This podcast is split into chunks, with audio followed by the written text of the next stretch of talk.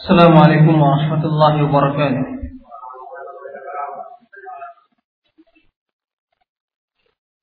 الحمد لله رب العالمين والصلاة والسلام على أشرف الأنبياء والمرسلين نبينا محمد وعلى آله وصحبه أجمعين ومن تبعهم بإحسان إلى يوم الدين أما بعد.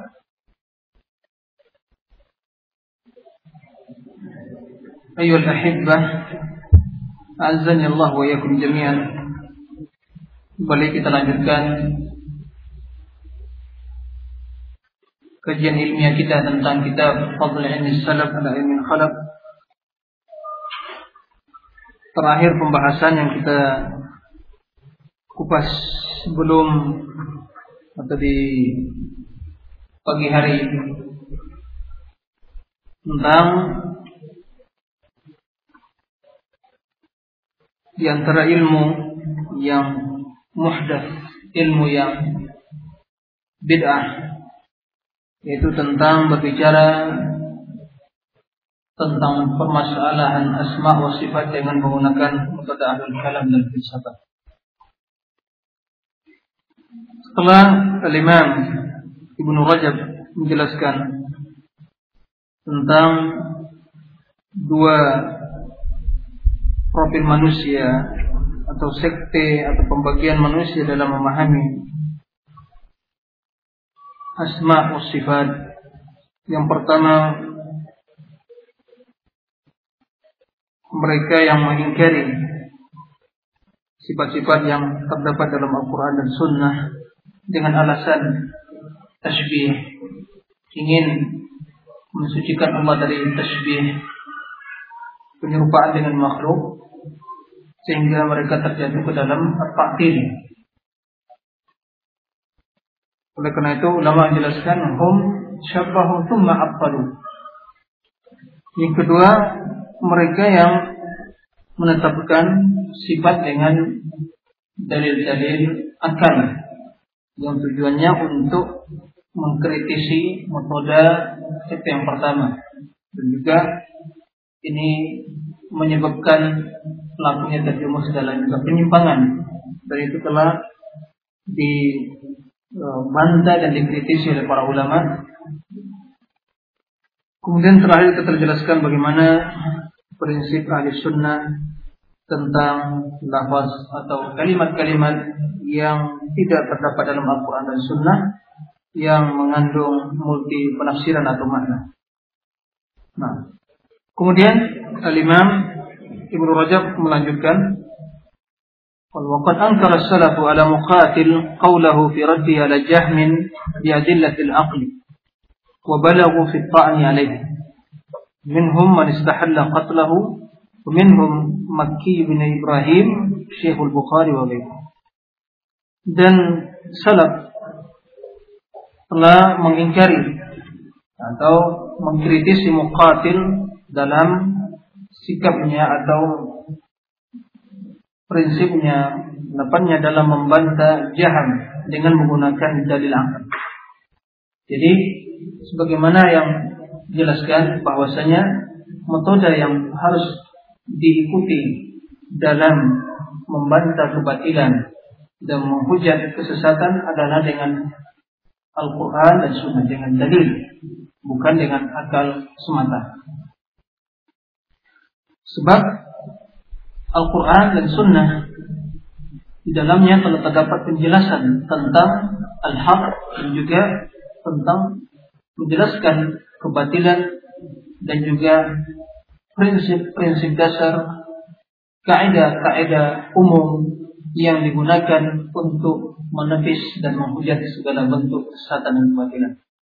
Oleh karenanya, sebagian ulama mengatakan, ma أظهر مبتدع بدعة إلا وفي القرآن ما يرده أو كما قال بعضهم tidak satupun bid'ah yang dimunculkan oleh ahli bid'ah atau ahli batil kecuali dalam Al-Quran terdapat dalil yang menghujatnya. Nah, nah ini menjelaskan kepada kita sikap para ulama salaf yang tidak ada toleran dalam menyikapi permasalahan ini. Karena ini permasalahan yang prinsip. Tidak boleh kita berbicara dengan akal semata dalam masalah agama. Wa balaghu fi alaihi bahkan mereka berlebihan dalam mencela Muqatil bin Sulaiman dengan menggunakan dalil akal tadi. Minhum man istahalla qatlahu. Bahkan sebagian ulama ada yang menghalalkan darahnya, membunuhnya. Ini kan terlalu berlebihan. Dan ini bukan berarti ya mereka yang malah itu berarti dia kafir, tapi sebagai ancaman, ya, sebagai teguran keras terhadap orang-orang yang menggunakan akal dalam beragama. Di antaranya Maki bin Ibrahim, gurunya Al-Imam Al-Bukhari dan yang lain. Kemudian beliau menjelaskan ini prinsip dan hakikat atau intisari dari akidah al tentang hadis-hadis atau ayat-ayat yang menjelaskan tentang sifat. Qal ma alaihi salafus salih min imrari ayat sifat wa ahadithiha كما جاءت من غير تفسير لها ولا تكييف ولا تمثيل ولا يصح عن أحد منهم خلاف ذلك البتة خصوصا الإمام أحمد. ولا خوض في معانيها ولا ضرب مثل من الأمثال لها. وإن كان بعض من كان قريبا من زمن الإمام أحمد إمام أحمد قريبا من زمن الإمام أحمد فيهم من فعل شيئا من ذلك اتباعا لطريقة مقاتل فلا يقتدى به في ذلك. وإن إنما الاقتداء بأئمة الإسلام كابن المبارك ومالك والثوري والأوزاعي والشافعي وأحمد وإسحاق وأبي أبيد ونحوهم yang benar itu dalam permasalahan asma wa sifat ayat-ayat atau dalil yang, yang menjelaskan tentang sifat-sifat Allah Subhanahu wa taala itu apa yang diikuti oleh salafus saleh yaitu menyikapi membiarkan ayat-ayat tentang sifat dan hadis-hadis tersebut kamaja sebagaimana adanya sebagaimana datang dari Allah dan Rasulnya tanpa ditafsir maknanya. Dan juga tanpa dibahas tentang kaifiyahnya. Dan juga tanpa diserupakan dengan makhluk, sifat makhluk dan juga, dan sifat makhluk. Jadi apa maksudnya? Apakah bukti kita tatkala mendapatkan ayat-ayat sifat tidak boleh menjelaskan makna sifat itu kepada kaum muslimin? Bukan ini maksudnya. Maksudnya adalah mentakwil sifat-sifat tersebut dengan metode ahlul kalam dan falsafah. Ini maksudnya.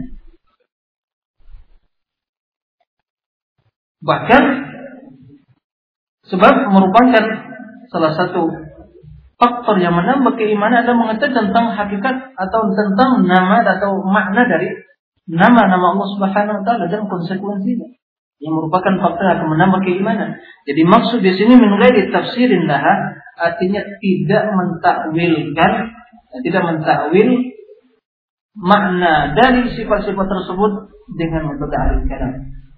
Yang tujuannya adalah untuk mengingkari atau menafsirkannya dengan makna yang marjuh.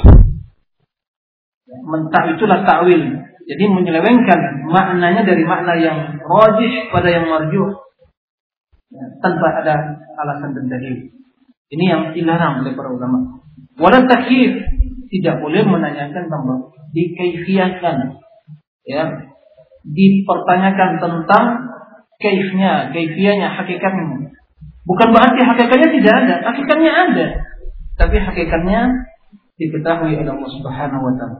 Dan tambah di tasbih ditamthil diserupakan sifat tersebut dengan sifat makhluk. Inilah yang diriwayatkan eh, uh, atau inilah yang dikatakan oleh Aimatus Salam seperti yang diriwayatkan oleh Al-Khallal dalam kitab As-Sunnah diriwayatkan dari Imam Al-Auza'i qala su'ila Makhul wa Zuhri an tafsir al-ahadith yaitu hadis sifat faqal amirruha kama ja'at amirruha kama ja'at terimalah atau biarkanlah ya itu sebagaimana adanya. Artinya jangan utafsir. Jangan ditafsirkan dengan tafsiran yang tidak benar. Apa yang datang dari Allah Rasul tentang wajah rabbuka wal malaku saffan saffa. Ya Allah datang. Yang mana datang yang tahu. Yanzilu rabbuna ya yanzilu rabbuna. Allah dilihat wujuh yawmain nadhira ila rabbiha nadhira. Iya kita akan melihat Allah. Istawa ala arsyihi rahman istawa. Yaitu Al-Quran jelaskan istiwa dari ya irhafa awana itu pahami seperti itu itu maksudnya agar ruha kamaja dalam uh, riwayat lain diriwayatkan dari Al-Walid bin Muslim qal sa'altu Malik bin Anas وسفيان الثوري والليث بن سعد والأوزاعي عن الأخبار التي جاءت في الصفات فقالوا أمروها كما جاءت Jadi dalam riwayat lain dan Awali bin Muslim beliau bertanya kepada Imam Malik bin Anas dan Sufyan al-Thawri, Laith bin Sa'ad, kemudian Al-Auza'i ulama salaf, ya ulama salaf yang yang senior ya, ulama-ulama yang yang disegani di zaman haula Imam Malik dan yang mempunyai keilmuan tentang hadis dan fikih yang berjalan di atas manhaj salaf sebelumnya sahabat. Itu mereka ditanya tentang hadis-hadis yang menjelaskan tentang sifat. Mereka semuanya menjawab amiruha kama Terimalah atau biarkanlah hadis-hadis tersebut sebagaimana datangnya. Artinya pahami sebagaimana datangnya, jangan diselewengkan maknanya. Wa fi riwayatin faqalu amirruha bila kama bila kayf. Biarkan hadis itu ya sebagaimana datangnya tanpa dipertanyakan, ditanyakan tentang kaifnya, bagaimana kaifiannya. Nah, ini baik oleh Khalal dalam kitab As-Sunnah. Nah, inilah yang dijelaskan oleh Al-Imam Ibn Rajab wa sawab ma alaihi salafus salih. Haula salaful ummah. Tatkala muncul orang-orang yang menyelewengkan sifat tadi, mereka mengatakan ungkapan yang diriwayatkan oleh Khalal tadi. Ya. Kemudian wala yasih dan tidak benar, tidak sahih ya. Dari salah seorang tidak pun menukilkan ya secara jalan yang benar dengan dari seorang pun dari mereka dari siapa Ahmadus Salaf khilafu dari kalimat yang menyisi hal itu sama sekali. Jadi tidak ada satu riwayat yang benar, yang sahih dari salah seorang ulama salaf yang menulis hal itu. Jadi mereka sepakat. Ini beliau menyebutkan ijma' ayyatus salaf bahwa dalam menyikapi ayat sifat itu kita harus memahami sebagaimana adanya. Khususan Imam Ahmad, terkhusus lagi Imam Ahmad bin Hanbal. Yang dikandang Imam Ahmad Sunnah ahli, ahli, sunnah wal jamaah. Wala khawda fi ma'aniyah dan tidak berbicara dengan memaksakan diri ya, untuk mengkaji maknanya lebih dalam sehingga uh, keluar dari tujuan membahas maknanya. Seperti alul kalam kalau seandainya begini ya ini begini ya kalau seandainya sifatnya begini berarti bukan namanya ar-rahmah itu ya kalau tangan itu ya bukan artinya tangan seperti biasa atau yang tapi tangannya itu ya kekuasaan gitu. Sebab kalau seandainya tangan ya tangan yang maklum yang diketahui berarti kita merupakan Allah dengan makhluk begitu kan. Jadi mereka mendalami hal, hal seperti itu tapi bukan dengan tujuan untuk mengimaninya untuk menafsirkan dengan tafsiran-tafsiran yang tidak benar. Wala darbi mathali min dan tidak boleh membuat permisalan ya terhadap dari terhadap ayat-ayat tersebut atau hadis-hadis tersebut Wa in kana ba'du man kana qariban min zaman min zaman min zaman Imam. Sekalipun orang sebagian orang-orang yang dekat dari zamannya Imam Ahmad, ya, di antara mereka ada yang melakukannya sebagian dari hal itu. Ya. Ittiba'an ya, mengikuti metode muqatil. Nah, sekalipun ada orang yang melakukan hal seperti itu yang masih jadi masih dekat dengan zaman Imam Ahmad, itu jelas tidak zaman yang tapi masih dekat. Sudah Imam Ahmad dan uh, para seangkatan Imam Ahmad, Thauri, Al-Auza dan yang lainnya. Ada yang menggunakan mengikuti metode muqatil yang kita jelaskan tadi, di mana menggunakan dengan cara akal. Nah, sekalipun itu ada di zaman-zaman para uh, ulama sesudah Imam Ahmad, akan tetapi itu tidak diikuti. Tidak boleh kita mengikuti mutara seperti itu. Nah, ini jelas prinsip Imam bin Rajab ini menjelaskan pada kita prinsip beragama. Ini prinsip. Harus dipahami dan harus kita jadikan sebagai landasan dalam beragama. Jadi beliau ingin menjelaskan apa yang dikatakan oleh Imam uh, Ibnu dalam uh, sebagian kitabnya. Dari kitab Alamul Aliyah yang tulis dan bazar tentang biografi beliau itu katanya perkataan manusia itu yustadallu laha la biha. Wa amma kalamullah wa kalamu rasul yustadallu biha. Jadi perkataan manusia siapa pun orangnya itu yustadallu laha. Kita harus mencari dalil yang membenarkan perkataannya bukan dijadikan sebagai dalil Adapun perkataan Allah dan Rasulnya itu yustadallu biha, merupakan dalil. Ini prinsip, ini kaidah. Jadi, kemungkinan kita dalam masalah membahas masalah ini yang mendapatkan perkataan para ulama yang mungkin kita simpatik dengan dia. Mengagungkannya. Nah, kita wajib mengagungkan para ulama, khusus ulama-ulama yang betul-betul berjalan di atas sunnah. Tapi terkadang mereka tergelincir manusia. Nah, bagaimana sikap kita seorang talibul ilm? Apakah kita akan fanatik dengan perkataan seperti itu? Tidak. Kaidahnya siapa pun orangnya bisa bersalah. Bisa diterima, bisa ditolak. Sebagai kata Imam Ahmad, Imam Malik rahimahullah. Nah, jika dia mengatakan suatu perkataan menyelisihi kebenaran, maka jika dia min ijtihad, maka yujar ajar wahid karena mujtahid. Tapi kalau ahli bidah jelas karena dia memaksakan diri untuk berbicara sesuatu yang tidak ketahui. Dia malah berdosa. Dia mujtahid jelas kalau dia benar mendapat dua, tapi tidak boleh kita mengikuti dia dalam kesalahan itu.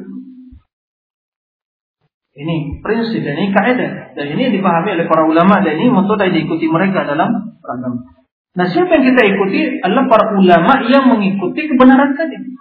Yang menjadikan para ulama-ulama ya, yang ulama-ulama yang menjadikan panutan umat tokoh masyarakat yang disegani oleh umat dan diterima perkataan dalam masalah agama ini yang tidak berisi kebenaran. Nah, oleh karenanya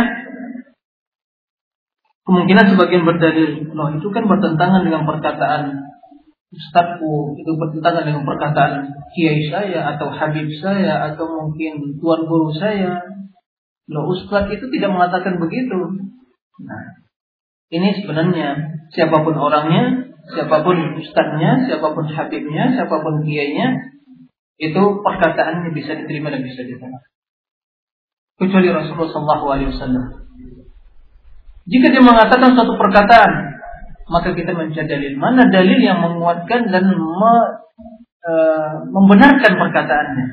Kalau tidak, berarti kita tidak boleh mengikuti. Sebab bukan dalil. Adapun kalau Allah wa qala Rasul dalil yang harus dipegang dan diikuti dalam beragama. Nah, oleh karena kata Imam Ibnu Rajab, "Fala yuqtada bihi fi dan tidak boleh diikuti dalam perkara itu. Dan ini mulai dipertegas oleh Imam Imam uh, Aiman Sunnah seperti Imam Syafi'i jelaskan idza qultu qawlan wa sahhat an Rasulillah sallallahu alaihi wasallam wa sahhat Rasulullah sallam fa bima sahha anir rasuli wa watrahu qawli ardal haid atau kama qala Apabila aku mengucapkan suatu perkataan dan datang hadis yang sahih dari Rasul maka ambil hadis yang sahih dan lemparkan perkataanku ke dinding kata beliau. Artinya tidak ada nilainya perkataan yang kebenaran tadi. Ini sikap talibul ilm, metode yang harus diikuti belajar dalam mencari ilmu ini harus kita ikuti. Fanatik tidak dibenarkan di dalam agama. Nah, bukan ada tiba ikuti dalil. Nah, innamal ihtida bi aimatil Islam. Tidak lain dalam mengikuti kecuali mengikuti aimatul Islam. Meneladani aimatul Islam siapa mereka imam-imam yang telah uh, mendapatkan rekomendasi dari para ulama yang hidup selama dengan mereka dan juga setelah mereka. Aimat tokoh-tokoh Islam dan ulama-ulama besar yang kalau kita melihat dalam masalah keilmuan tidak kosong atau tidak satupun dari bahkan kita kita besar firman kemudian mereka tetap dinukil perkataannya perkataan Uzair jadi hujah. Artinya didengar diterima. Karena ketakwaan mereka dan keilmuan mereka dan oh, loyalitas mereka yang tinggi pada sunnah tadi. Seperti siapa? Imam Ibnu Mubarak Abdullah Ibnu Mubarak. Ya. seperti juga Malik Imam dari Hijrah الثوري والأوزاعي والشافعي وأحمد وإسحاق بن راهوي وأبي عبيد قاسم bin Salam ini ulama-ulama yang lainnya yang seangkatan dengan mereka ini ulama-ulama ahli sunnah dan ini yang harus kita berusaha juga mengenal biografi mereka bagaimana mereka dalam beragama bagaimana mereka berilmu bagaimana ketakwaan mereka bagaimana waranya karena itu sebelumnya lebih mulia dari mereka para sahabat tentunya bagaimana antara mereka. Tapi begitu para ulama memerintahkan kita untuk meneladani para salafus soleh dan para ulama-ulama yang betul-betul berjalan atas sunnah. Jadi bukan sembarang ulama. Ada yang zaman sekarang banyak mengatakan ulama-ulama. Ya, diulamakan. Dia tidak ulama tapi diulamakan. Gitu. Nah jangan. Dan juga boleh jadi dia berdalil tapi dia tidak menukil perkataan ahli sunnah. Ada yang kitab yang aneh yang sekarang yang muncul mengkritisi manhaj salaf dengan mengatakan ulama sejagat mencela atau mengkritisi salaf. Nah jelas dari judulnya jelas berarti ulama sejagat yang sesat menjadi salah. Kenapa? Sebab tidak ada yang mengkritisi salaf kecuali yang sesat manhajnya gitu. Berarti sejagat itu betul banyak. Na'udzu subhanallah. Maha suci Allah. Ya. Alhamdulillah alal hidayah. Berarti begitu banyaknya mereka yang sesat atas namakan ulama yang sesat sehingga menolak kebenaran tadi kan begitu artinya judul dari kitabnya. Ulama sejagat. Sejagat mana? Sejagat Indonesia atau mana? Sealam ini. Berarti begitu banyaknya orang yang telah sesat sehingga meninggalkan kebenaran tadi kan begitu arti judulnya. Nah, jadi seperti itu. Nah, ini yang harus kita pahami. Jadi oleh karena itu uh, judul-judul yang seperti itu jelas uh, Tiada lain tujuannya adalah bagaimana ingin memadamkan cahaya sunnah. Nah, dan tidak didapatkan dari imam-imam yang besar ulama, ulama yang betul dinamakan ulama. Jadi ulama itu ada dua. Ulama yadu ila nar wa ulama yadu ila jannah.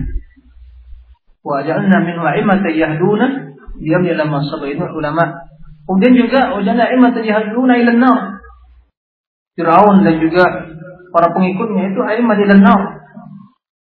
Juga dalam hadis dalam hadis Hudzaifah di mana setiap uh, apa namanya itu di uh, hum du'atun al abwab jahannam kan begitu man ajabuha qadafuha qadafu fiha itu para dai-dai yang banyak pada neraka yang siapa yang menerima atau mengikuti mereka dilemparkan ke dalam neraka. Nah, jadi kita juga bisa menyalahkan sebab jaga Rasul membagi agama itu bagi dua. Inna Allah la yantazi'u ilman intiza'an min sudur rijal walakin yantazi'u bi qabdil ulama. Ini ulama-ulama yang betul mengajak pada sunnah, mematikan mereka sehingga terangkat ilmu tadi. Apabila mereka telah meninggal, tinggal orang-orang yang diulamakan. Apabila itu telah ilmu telah hilang, maka ittakhadhan nas ru'usan juhala. Ini para ulama-ulama yang juhal.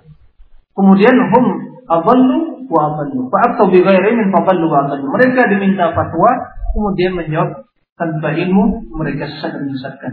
Jadi ada dua. Oleh itu waspada di zaman sekarang ini. Nah, tidak satu pun dari ulama-ulama salaf yang berjalan di atas sunnah, yang yang berjalan di atas sunnah dan loyal pada sunnah, memperjuangkan sunnah, menyelisihi prinsip di atas yaitu bahwasanya mereka mengimani segala ayat-ayat tentang sifat dan juga hadis-hadis yang menjelaskan tentang sifat Allah Subhanahu wa taala tanpa ditawilkan dan ditanyakan tentang kaifiahnya. Nah, dan ini senada dengan perkataan Imam Malik terkaitannya tentang istiwa yaitu al-istiwa ma'lum wal kaifu majhul was su'alu wal imanu bihi wajib was su'alu anhu bid'ah. Nah, baik. وكل هؤلاء لا يوجد في كلامهم شيء من جنس كلام المتكلمين. Seluruh mereka tidak terdapat dalam perkataan mereka satupun ya jenis atau corak dari perkataan ahlul kalam. Tidak satu pun. Bahkan mereka lah yang menepis dan membenci dan menghujat dengan tegas ahlul kalam. Maka Imam Syafi'i mengatakan Imam Ahmad man talaba dina bil kalam tazandaq. Barang siapa yang mencari agama dengan cara ilmu kalam itu akan jadi zindiq. Bahkan sebagian mengatakan man uh, al ilmu bil kalam jahlun mempelajari maka itu satu kebodohan. Wal jahlu bil kalam ilmun. Tidak mengetahui ilmu kalam itu suatu apa? keilmuan. Bahkan Imam Syafi'i mengatakan hukum saya tentang alul kalam itu itu dipukul dengan pelupa korma. Dibawa mengeliling kampung. Saya dikatakan pada masyarakat ini Lihatlah, perhatikanlah orang-orang yang meninggalkan sunnah, meninggalkan Quran dan sunnah seperti itu. Dan jelas perkataan para ulama tentang masa ilmu kalam. Jadi mereka tidak sama ada sama sekali dalam perkataan mereka satu corak pun dari perkataan ahlul kalam. Ya. Apalagi perkataan falsafah. Jadi falsafah bukan dari Islam, kufur. Dari orang kufur, falsafah. Tidak ada nama falsafah Islam, tidak ada di Islam falsafah Islam. Falsafah itu hasil produk orang-orang apa? Orang-orang yang tidak beriman kepada Allah Subhanahu wa taala. Ya. Aristoteles yang filsafat filsafat yang di zaman sekarang ini yang banyak dipelajari itu umumnya filsafat yang telah mereka adopsi dari perkataan atau filsafat yaitu Aristoteles yang telah disederhanakan bahasanya atau kaidah-kaidahnya dan sedikit diislamisasikan oleh filsafat orang-orang filsafat orang-orang filsafat yang dibebaskan pada Islam seperti ya, apa namanya itu uh, Al-Farabi, Ibnu Sina dan yang lain-lainnya itu yang dikaji oleh mereka. Itu. Jadi tidak ada dalam perkataan para ulama salaf ya satu corak pun dari perkataan al-kalam apalagi perkataan al-falasifah. Dan jelas Ahlul kalam, ilmu kalam itu pada dasarnya lahir dari rahimnya falsafah. Dan tumbuh dan dibesarkan dalam kitab-kitab ahlul kalam ya. Pada orang-orang Mu'tazilah dan yang lainnya. Jadi berkembang di situ. Menjamur di situ. Suburnya dalam pemikiran-pemikiran al-Mu'tazilah dan yang lain. Dan mereka lah tokoh-tokohnya yang berjuangkan uh, filsafat itu. Nah, ولم يدخل ذلك في كلامه من سلم من قدح أو قدح وجرح ولم يدخل ذلك في كلامه من سلم min qadhin wa jarhin dan tidaklah masuk ya hal seperti itu atau yadkhul dzalik perkataan tentang hal itu fi kalamihi perkataannya orang-orang yang selamat dari celaan dan juga cercaan. Artinya orang yang perkataannya yang uh, dimasuki atau di ya dimasuki oleh perkataan kalam dan filsafat itulah orang yang tidak selamat dari celaan dan juga cercaan. Seperti itu maksudnya. Artinya para ulama salaf mengkritisi dan membenci dan mencela orang-orang yang ber menggunakan ilmu kalam dan filsafat dalam beragama. Oleh karena itu kata Imam Abu Zur'a Ar-Razi, waqad waqad qala Abu Zur'a Ar-Razi, kullu man kana indahu ilmun falam yasun ilmahu واحتاج في نشره إلى شيء من الكلام فلست منه. Ini beliau berbicara pada murid-muridnya yang hadir dalam atau ahli sunnah secara umum setiap orang yang mempunyai ilmu tapi tidak menjaga dan memelihara ilmunya dan membutuhkan ya sesuatu atau pada kalam metode kalam ya dengan ilmu kalam untuk menebarkan ilmunya dengan metode filsafat dengan metode ilmu kalam maka falas min maka kalian bukanlah dari golongan orang seperti itu. Jadi ahli sunnah bukan dari golongan ahli kalam bukan dari filsafat jadi orang yang punya ilmu tapi menurut mereka oh iya kita butuh pada ilmu kalam, butuh pada filsafat karena kita harus berfilsafat kata mereka berarti ahli sunnah bukan dari golongan mereka. Jika ahli sunnah bukan dari golongan mereka berarti mereka bukan golongan ahli sunnah. Nah, Jadi tidak kita butuhkan kalam. Tidak butuh. Sekiranya kalam ilmu kalam ada prinsip keilmuan konsep ilmu kalam dan juga filsafat itu dibutuhkan dalam membahas masalah agama, tentu para ulama Islam sebelumnya telah membahas dan menjadikan sebagai prinsip dan metode kawaid dalam membahas masalah keilmuan. Tapi tidak pernah ulama, fuqaha, ulama hadis beristimbat pada yang menggunakan metode ilmu kalam dan filsafat. Tidak pernah. Kan jelaskan Ibnu Salah dalam fatwa yang tentang masalah itu. Tidak pernah. Nah seperti itu. Sebab apabila seorang berbicara dengan dari konteks ilmu kalam, konsep ilmu kalam, dia akan berbeda natijanya, hasilnya. Sebab istilahnya tidak sama. Istilah para fuqaha beda dengan istilah para ahli kalam. Nah, oleh karena itu sangat disayangkan bila orang berbicara tentang agama filsafat Islam. Ini perlu dikritisi, tidak ada filsafat Islam. Tidak ada pemikiran Islam. Islam agama bukan pemikiran. Islam wahyu bukan filsafat. Berkembang orang-orang intelektual, filsafat Islam, begini, begini pemikiran Islam. Islam bukan pemikiran. Islam adalah wahyu. Islam bukan filsafat. Islam adalah dalil. Bukan berfilsafat. Filsafat itu hasil produk manusia. Logika manusia. Sementara agama adalah wahyu. Agama bukan pemikiran wahyu diturunkan Allah Subhanahu wa taala. Jadi perlu diluruskan ungkapan-ungkapan yang seperti itu Islam bukan filsafat, tidak ada filsafat Islam. Islam Islam wahyu. Dan juga Islam bukan pemikiran. Islam adalah wahyu syariat yang diturunkan oleh Allah Subhanahu wa taala. Tapi tentu kita harus berpikir, menggunakan akal dan memahami dalam konteks yang diperbolehkan. Sebab Al-Quran itu diturunkan untuk orang yang berakal, bukan untuk orang yang gila. Apalagi baru Al-Quran, amalan qulubin aqwaluhum. Dan juga amalan dan kewajiban itu itu sesuai dengan tingkat pemahaman dan kesadaran seseorang. Kalau dia orang yang sadar, berakal, ya baru mendapatkan kewajiban. Tapi kalau orang yang telah keluar dari eh, batasan-batasan uh, akal tadi, dan berusaha memaksakan akal untuk membahas suatu perkara yang tidak bisa dijangkau oleh akal, maka ini orang seperti ini pada dasarnya orang yang telah uh, akal telah blank gitu ya, sudah tidak waras lagi. Kata Imam Syafi'i mengatakan ushidukum kullu hadithin sahih. Ja'a Rasulullah SAW fala aqbaluhu fa tashhadu an aqli qad dhahab. Kata saksikanlah setiap hadis yang sahih yang datang atau dalil yang datang dari uh, yang hadis yang sahih atau dalil yang datang dari Allah Rasulnya dan aku tidak menerimanya maka ketahuilah sungguhnya akalku telah hilang kata Imam Seperti itu. Jadi orang berakal orang menerima dalil, bukan orang yang mempelajari dalil.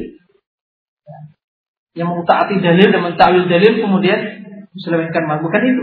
Yang berakal itu menerima dan, dan memahami sesuai dengan bimbingan wahyu. Nah, Pembahasan masalah akal tentu bermasalah yang luas yang harus kita tahu oleh para tulabul ilmi. Bagaimana konsep Islam dalam uh, akal dalam perspektif Islam atau Al-Quran dan Sunnah. Nah. Kemudian waman dalik di antara ilmu yang beda itu di antara ilmu yang beda Wamin dalik itu di antara ilmu yang beda ahdi muhdatsatil ulum itu ilmu-ilmu yang muhdats yang beda mahdatsahu fuqaha ahli ra'yi من ضوابط وقواعد عقلية. طيب. ورد فروع الفقه إليها وسواء خالفت السنن أم وافقتها. طردا لتلك القواعد المقررة. وإن كان أصلها مما تأولوه على نصوص الكتاب والسنة لكن بتأويلات يخالفهم غيرهم فيه Di antara hal ilmu yang muhdas yaitu apa yang diadakan oleh fuqaha al-ra'i. Para fuqaha yang lebih menitik beratkan pembahasan dengan menggunakan ra'i akal. Ya. itu berupa kawaid-kawaid dan prinsip-prinsip dasar keilmuan yang hanya sekedar berdasarkan akal. Jadi prinsip keilmuan yang tidak pendalilannya bukan dari wahyu bukan dari nas sudah dari akal itu namanya ahli ra'i. Kemudian mereka mengembalikan seluruh perkara-perkara proyek pada kaidah-kaidah prinsip tersebut. baik kawaid atau perkara tersebut atau kaidah tersebut menyelisihi sunnah atau cocok dengan sunnah. Nah, kemudian Tafdhal fil qawaid muqarrar agar ya cocok ya sesuai dengan kaidah-kaidah atau kawaid-kawaid prinsip-prinsip yang telah ditetapkan tadi. Jadi mereka sekalipun cocok dengan sunnah pendalilan tadi atau uh, pemaparan tadi ada permasalahan furu dengan sunnah atau tidak, yang penting mereka menggunakan kaidah-kaidah yang secara logika yang mereka cetuskan, yang mereka uh, ada-adakan, kemudian mengembalikan permasalahan-permasalahan furu pada permasalahan tersebut. Ini jelas tercela. Para ulama ini yang perlu kaidah juga prinsip ahli sunnah dalam berdalil dalam membuat suatu kaidah prinsip. Mereka terlebih dahulu membaca dalil, bukan membuat prinsip dan kaidah terlebih dahulu. Jadi mereka membaca dalil, membaca dengan seksama, kemudian menarik dari dalil tersebut hujah atau argumentasi atau kawaid. Adapun ahli bidah, mereka membuat prinsip kaidah terlebih dahulu, kemudian baru setelah itu mencari dalil untuk melegalkan atau melisensikan perbuatan atau kaidah tersebut. Seperti itu. Ahli sunnah tidak. Mereka baca dalil, baca Al-Quran dan hadis, kemudian setelah itu, oh ya, dalil ini, hadis ini menunjukkan kaidah ini. Begitu. Dan ini yang dilakukan. Jadi bukan mereka menggunakan akal dalil berkaidah terlebih dahulu kemudian mencari-cari dalil atau kaidah atau sekiranya dalam dalil tersebut ada makna yang bisa memperkuat atau membenarkan kaidah yang mereka buat. Ini tidak benar. Jadi bacalah dalil, kajilah hadis, kemudian simpulkan dari hadis tersebut kaidah atau makna atau fawaid. Begitu metode yang benar dalam mempelajari ilmu dan juga membahas masalah hukum. Wa in kana asluha mimma ta'awwalu sekalipun pada dasarnya asal dari kaidah tersebut adalah di antara apa yang mereka tafsirkan, takwilkan dari nas-nas Al-Qur'an dan Sunnah. Akan tetapi dengan pentakwilan yang yang mereka diselisih oleh yang lain, ya, oleh ulama yang lain dalam perkara tersebut. Seperti itu. Nah, ini jelas cukup luas pembahasan seperti ini itu masalah kawaid fiqhiyah kenal dengan fuqaha ar-ra'i dan al-hadis. Nah, seperti itu. Dan itu di zaman Imam Abu Hanifah juga dengan fuqaha ar-ra'i yang mereka lebih yang dominan dalam fikih mereka dengan dan ar-ra'i itu begitu. Akan tapi jelas dari Imam Abu Hanifah dan ulama-ulama yang mengikuti Imam Abu Hanifah jelas mereka harus menganggukkan dalil Al-Quran dan Sunnah dalam hal seperti ini. Nah. Baik, وهذا هو الذي أنكر أئمة الإسلام على من أنكروه من فقهاء الرأي بالحجاز والعراق وبالغوا في ذمه وإن كان dan inilah yang diingkari oleh a'immatul Islam ya terhadap orang-orang yang mereka ingkari dari kalangan para fuqaha ahli ra'i dari di Hijaz yaitu Makkah dan Madinah dan juga Irak. Ini yang diingkari. Jadi bukan seluruh ya, jika ar-ra'yu berdasarkan Al-Quran dan Sunnah ini tidak bermasalah. Tapi kalau sekedar ber, sekedar ya atau hanya sekedar berlandaskan dalil atau akal semata, logika atau analogi semata, maka ini yang diingkari para ulama. Wa balagu fi dhammihi wa kadang mereka sangat berlebih atau mengingkari atau mencela dan mengingkari perbuatan seperti itu. Al-Hijaz maksudnya adalah Makkah dan Madinah. Jadi itu yang diingkari. Jadi kalau kita mendapatkan dalam kitab-kitab masalah keilmian, masalah uh, fiqh apa yang diingkari para ulama Islam tentang ahli ra'i maksudnya mereka yang telah melampaui batas ya, atau rambu-rambu atau rel yang ditentukan dalam masalah keilmian tadi di mana mereka lebih dominan dalam fikih mereka berdalil pada kaidah-kaidah yang mereka buat yang berkaitan dengan akal. Nah, wa amma imma adapun para ulama, para imam, wa fuqaha dan hadis dan para fuqaha yang uh, loyal pada hadis, yang selalu kembali pada hadis, fa innahum yattabi'una al-hadits as-sahihain kan. Sehingga mereka itu selalu mengikuti hadis yang sahih di mana saja, kapan dan mana saja, dalam keadaan kondisi bagaimanapun. Ini yang kita katakan. Jadi mereka selalu berdalil hadis, kemudian baru berdalil. In kana ma'mulan bihi inda sahaba. Jika kana ma'mulan bihi inda sahaba. Jika permasalahan tersebut atau hadis tersebut diamalkan oleh para sahabat, wa man ba'dahum dan juga yang datang sebelum mereka. Atau inda ta'ifatin minhum. Atau di kalangan sebagian mereka. Ini yang harus diikuti. Nah, Fa'amma mastafaqa ala tarkih fala yajuzu amal bihi. Adapun suatu perkara atau permasalahan ilmiah pendapat yang mereka sepakat dalam meninggalkannya, jadi tidak diajarkan, tidak dilakukan oleh ulama salaf para sahabat, sepakat mereka meninggalkannya, maka itu tidak boleh diamalkan. Adapun sebagian mungkin ada mengamalkan. Sekalipun mungkin jumhur sahabat menyelisih itu. Ini menjelaskan beliau. Maka dalam hal ini ada dispensasi dalam mengamalkan dan menerima pendapat tadi. Akan tapi tentunya para talibul ilmi, para uh, orang-orang yang mencari kebenaran dan menuntut ilmu, tentu lebih dia mengkaji dan kembali pada perkataan yang dipotong oleh jumhur para sahabat.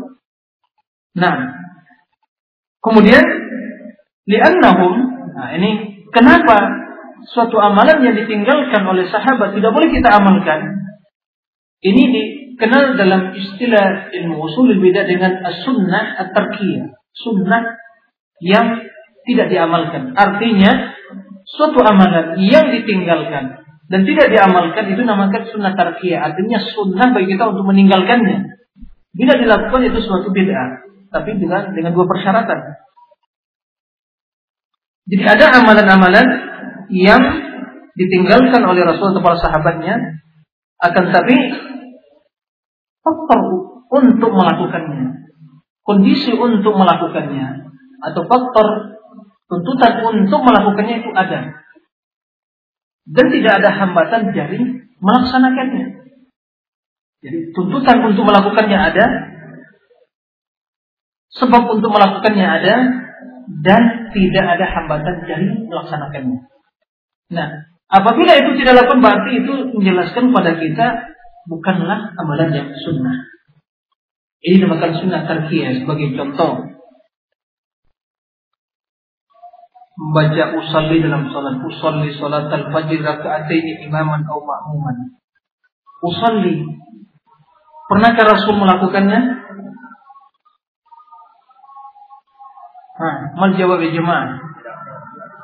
Sepakat? Tidak ada melakukan Rasul usalli? Baik. Kira-kira ada nggak tuntutan untuk melakukan itu atau maksud untuk melakukan itu? Zaman beliau ada, karena ibadah kan begitu, ya kan? Takau ilallah ibadah, usalli, mau sholat ini, kan begitu ada. Ada tak hambatan? Tidak ada yang menghambat. Tidak ada yang menghambat seperti ini. Mudah sekali melakukannya, tidak ada hambatan. Nah, kenapa ditinggalkan Rasulullah SAW? Ini menjelaskan pada kita meninggalkan usolli artinya mengucapkan usolli salat al-fajr atau dan salat-salat yang lain itu berarti meninggalkannya itu sunnah dan melakukannya bid'ah. Itu maksudnya. Fala yajuz al-amal bihi.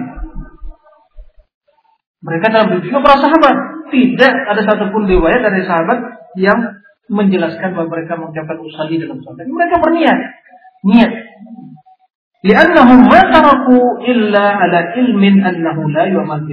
Karena mereka tidaklah meninggalkan hal itu kecuali berdasarkan ilmu di mana hal itu tidak boleh diamalkan. Ini dikenakan sunnah at-tarkiyah. Ini beliau ingin menjelaskan suatu kaidah yang disepakati para ulama bahwasanya sunnah suatu amalan yang ditinggalkan oleh Rasulullah atau ditinggalkan oleh para sahabat Rasulullah. Sementara tuntutan untuk melakukan hal itu ada di zaman mereka tapi mereka tidak melakukannya dan juga tidak ada hambatan untuk melakukannya. Alhamdulillah. Nah, maka kata para ulama, nah maka kata para ulama itu dinamakan dengan sunnah tarkiyah dan meninggalkannya adalah sunnah dan melakukannya itu bid'ah. Jadi bila sunnah yang ditinggalkan, amal yang ditinggalkan itu dilakukan berarti bid'ah dan ditinggalkan itu sunnah. Ini sebagaimana dijelaskan juga oleh Al-Imam dalam kitab Ilmu Muqin dan ulama-ulama yang lain. Nah, kemudian qala Umar bin Abdul Aziz Umar bin Abdul Aziz khudhu min ar-ra'yi ma yuwafiqu man kana qablakum fa innahum kanu a'lamu minkum ambillah pendapat yang sesuai dengan orang atau pendapat yang atau generasi yang ada sebelum ini zaman Umar bin Abdul Aziz. Siapa Umar bin Abdul Aziz? Hah? Hah? Nah, khalifah. Khalifah Abbasiyah atau Amawiyah? Al-Amawiyah. Nah, Al-Umari. Jadi cici-cicinya Umar bin Khattab radhiyallahu anhu. Umar bin Abdul Aziz bahkan sebagai mantan Khalifatul Khamis kan begitu. Nah, ini di zaman beliau di zaman tabi'in kan begitu. Atau yang datang uh, ya peninggal tabi'in mengatakan khudhu minar ra'yi. Ambillah pendapat yang sesuai dengan pendapat orang yang sebelumnya. Siapa? Sahabat. Fa'innahum akanu a'lama minkum. Sungguhnya mereka lebih berilmu dari kamu. Ini menjelaskan kemuliaan dan keutamaan Umar bin Abdul Aziz sebab menisbatkan sesuatu, sesuatu yang atau kemuliaan kepada orang yang mulia. Jadi orang yang mulia kalau anda ingin mengetahui siapa orang yang mulia yang baik apabila dia menisbatkan sesuatu pada orang yang berhak memiliki kebaikan tadi itu orang yang mulia. Fadl li ahli al-fadl illa dzul fadl kata para ulama.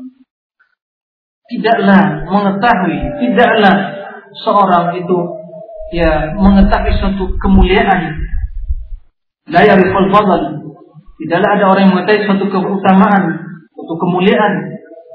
Li ahli fadl bagi orang-orang yang mulia yang berhak memiliki kecuali orang-orang yang mulia. Nah, Imam Umar adalah seorang yang mulia, para ulama, sehingga dia tahu kemuliaan itu lebih berhak dimiliki oleh para sahabat, lebih berilmu. Kalau orang sekarang mengatakan, nah, itu manusia biasa, mereka laki-laki, kita juga ada. Hum rijal wa nahnu rijal. Kan begitu dikatakan. Kenapa kita harus melalui mereka? Kita juga punya akal untuk berpikir beranalogi dan berfilsafat macam-macam kata mereka. Nah, bukankah kita Quran diturunkan untuk seluruh umat, bukan untuk sahabat saya. Itu perkataan mereka. Itu pertama orang-orang yang hina, bukan orang yang mulia. Karena tidak tahu kemuliaan bagi orang yang mulia. Oleh karena wajib kita muliakan para ulama Wajib, bagi bukan ta'asub dan fanatis pada mereka. Tapi muliakan sesuai dengan dudukannya. Fa'inahum kanu, bahasa para sahabat itu lebih berilmu dari kamu. Itu Umar bin Abdul Aziz. Nah kalau ada mengatakan, oh iya kita lebih pintar dan lebih berilmu dari mereka, jelas. Tidak tahu. Orang yang keluar tidak tidak tahu apa yang keluar dari mulutnya. Yang berbicara tidak tahu dengan apa yang keluar dari mulutnya. Jadi begitu juga kata bahkan sebelumnya Sebelumnya Abdullah bin Mas'ud mengatakan sebelum Umar bin Abdul Abdul bin Mas'ud sahabat. Ada yang mulia dari para sahabat selain Nabi dan ada sahabat. Orang yang mulia, yang bahagia, yang mulia ya, setelah para nabi. Itu Umar sahabat itu Abdullah bin Mas'ud mengatakan Barang siapa yang ingin mencontoh, contohlah orang yang telah meninggal. Maka mustannan fal yastanna bina qad mat. Fa innal hayya la tu'man alaihi fitnah. Sungguhnya orang yang hidup itu tidak amat fitnah. Masih hatinya berbolak-balik. Masih berubah-ubah, tidak stabil. Masih labil, tidak stabil. Itu orang yang hidup. Tapi kalau orang yang telah meninggal jelas. Baik itu dia meninggal dalam istiqomah atau dalam uh, suul khatimah na'udzubillah min jelas tidak berubah lagi karena meninggal dalam keadaan seperti itu. Nah barang siapa yang mencontoh ingin mencontoh jangan contoh orang yang hidup ini. Jangan contoh para isinya mencontoh orang-orang yang masih hidup berlebihan dan fanatik kepada tapi contohlah orang yang telah meninggal siapa mereka Ulaika ashabu Muhammad SAW. Mereka itu sahabat Nabi SAW. Fa'innahum abarru hadil ummati quluba. Mereka adalah manusia yang paling bersih suci hatinya. Wa amaquhum ilman yang paling dalam ilmunya. Wa aqalluhum takalluba yang paling sedikit takallub dalam beragama, memaksakan diri dalam beragama. Mereka beragama dengan bagaimana adanya. Tanpa memaksakan diri. Apa yang datang dari Rasulullah diamalkan mereka. Tidak ada takallub. Ya. Apa yang datang dari sunnah dan seorang baru dikatakan orang yang tidak takallub beramal kalau jadi apabila dia beramal dengan sunnah. Kalau telah beramal dengan yang bid'ah itu adalah takallub. Kalau keluar dari sunnah, beramal yang banyak, nisfu Sya'ban, Lailah nisfu Sya'ban, kemudian nisfu puasa di Sya'ban, sebelum Ramadan persiapan uh, acara menghadapi Ramadan, nanti juga Isra Mi'raj, Raja, Maulid dan seterusnya. Takallum, tidak ada. Bid'ah semua. Itu takallum. Itu kalau beramal dengan sunnah tidak ada takallum. Jadi setiap beramal dengan bid'ah itu takallum. Bisa beramal dengan sunnah itu adalah uh, muwafaq Ya, beramal dengan sunnah. Nah kata Abdul Mas'ud, mereka itu orang yang tidak takalluf dalam beramal. Tidak memaksakan. Beramal sesuai dengan kemudian bersesuai dengan apa adanya. Kemudian kata Abdul Mas'ud, Qaumun ikhtarahumullahu li suhbati nabiyhi. Mereka adalah kaum manusia yang dipilih oleh Allah untuk menemani Rasulnya. Wa nusrati dinihi dan memperjuangkan agamanya fa'rifu lahum fadlahum. Maka kenalilah keutamaan mereka kemuliaan mereka. Wa tamassaku bihadihim wa dan contohlah mereka dalam apa hadi mereka tuntunan atau manhaj mereka perjalanan hidup mereka. Begitu Abdullah bin Mas'ud. Karena dia orang yang mulia sehingga tahu kemuliaan itu bagi orang yang mulia. Tapi kalau kita di belakang zaman zaman sekarang ini ya tidak tahu kemuliaan tersebut Nah ini untuk jelas pertanda kehinaan bukan kemuliaan. Jadi mari kita kembali dalam beragama ini untuk meneladani para uh, sahabat yang telah mendahului umat ini dengan baik dan diperintahkan oleh Rasulullah SAW untuk meneladani mereka yaitu dalam hadisnya mana ali washabi yaitu apa yang aku ikuti dan para sahabat. Nah, mana dilanjutkan azan. Nah, baik. Ala kulli hal ini ya, insyaallah pada pertemuan yang selanjutnya akan kita teruskan untuk sesi kali ini kita juga sampai di sini. Mudah-mudahan disampaikan bermanfaat. Allahu a'lam wa sallallahu wasallam bi Muhammadin wa ala alihi wa sahbihi wasallam wa akhiru da'wana alhamdulillahi rabbil alamin.